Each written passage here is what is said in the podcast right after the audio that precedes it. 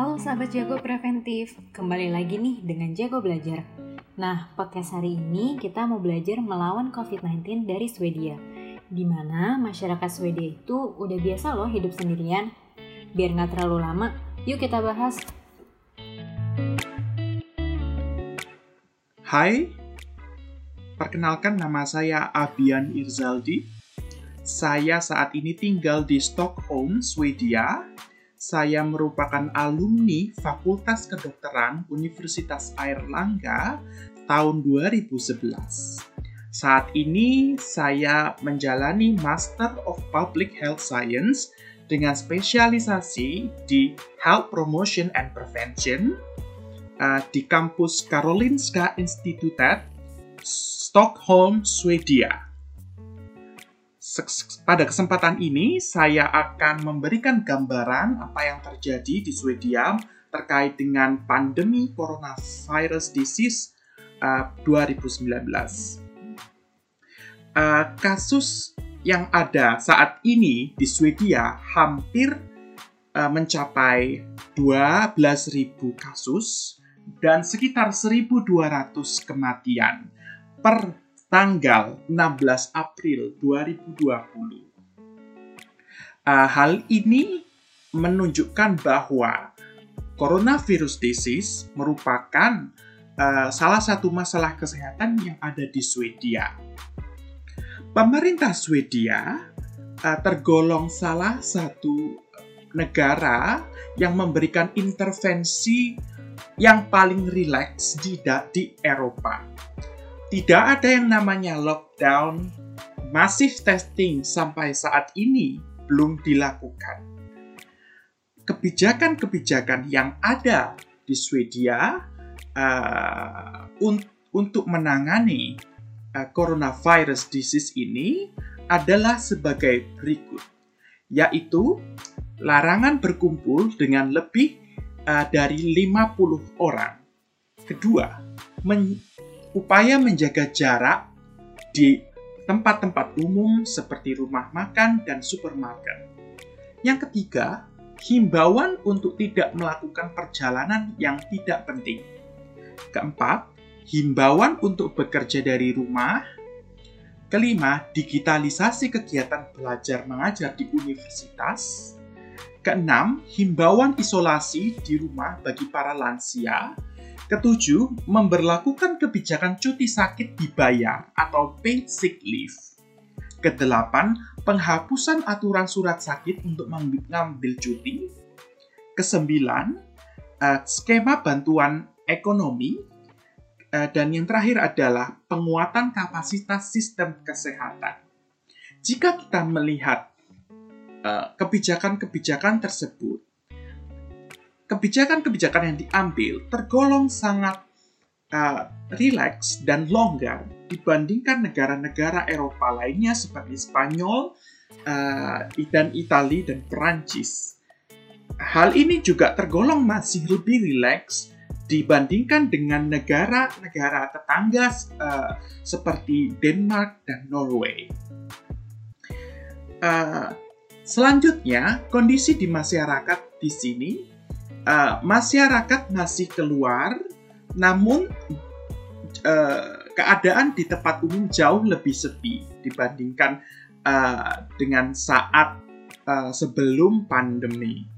Uh, selanjutnya adalah hal uh, kebijakan yang rileks di Swedia dikarenakan uh, keadaan-keadaannya Swedia yang cenderung berbeda dari negara-negara lainnya. Uh, pertama, pertama adalah di Swedia budaya hidup sendiri itu merupakan lay, uh, umum di masyarakat.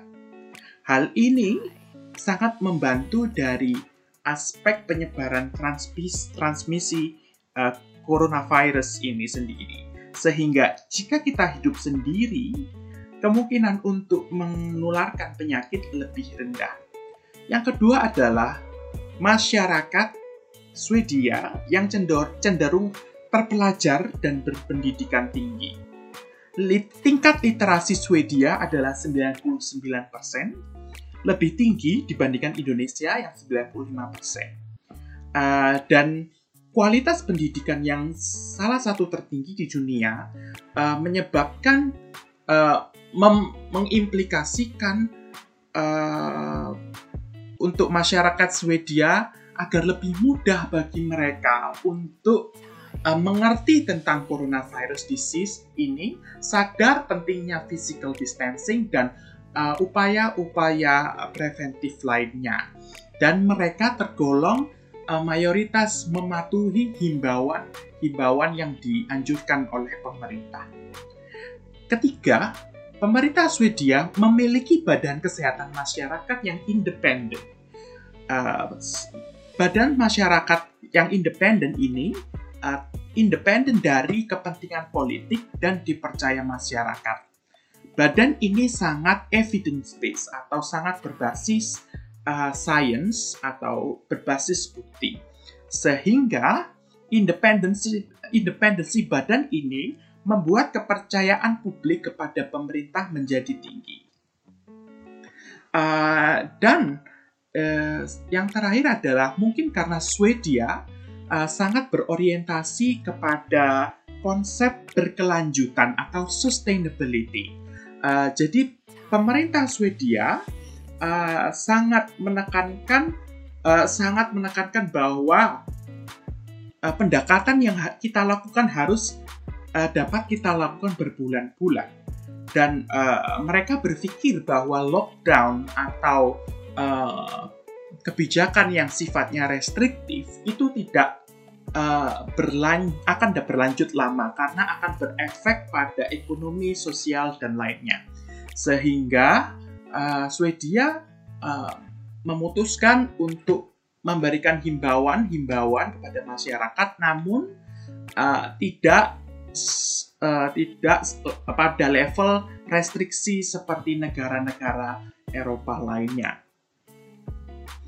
Uh, untuk warga negara Indonesia di sini, saya tidak mendengar hal-hal yang hal-hal uh, yang buruk, namun terdapat uh, KBRI KBRI sempat KBRI sempat memberikan uh, hotline dan uh, menganjurkan WNI untuk melaporkan jika mereka sakit atau memiliki masalah-masalah. Jadi uh, mekanisme WNI di sini sudah uh, diatur oleh KBRI dan bagi saya bukan merupakan masalah. Uh, yang keempat adalah pesan-pesan untuk milenial, khususnya untuk di Indonesia, adalah uh, pandemi coronavirus ini sangat nyata dan saya berharap bahwa setiap dari kita mem mematuhi apa himbauan-himbauan uh, yang diberikan pemerintah seperti physical distancing uh, dan work from home bagi mereka yang bisa melakukan. Uh, dan uh, penting juga untuk uh, bagi milenial untuk berkontribusi uh, sesuai kapasitasnya. Misalnya Anda bukan uh, Anda bukan merupakan uh, tenaga kesehatan, mungkin kita bisa memberikan informasi yang benar dari uh, dari sumber yang terpercaya seperti uh, WHO, CDC ataupun Kementerian Kesehatan. Uh, yang kedua adalah dalam masalah kebijakan. Kebijakan yang diambil Swedia atau negara yang lainnya tidak serta-merta bisa uh, diadaptasi di Indonesia karena kebijakan yang diambil harus mempertimbangkan keadaan-keadaan lokal, keadaan sosial dan uh, budaya, ekonomi dan segala aspek yang ada di Indonesia. Sehingga uh, pentingnya untuk menelaah eh, hal-hal uh, tersebut.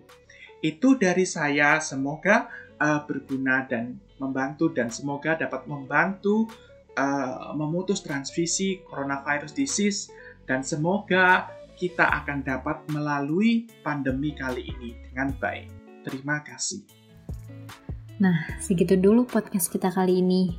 Sampai berjumpa di podcast Jago Belajar selanjutnya. Hai.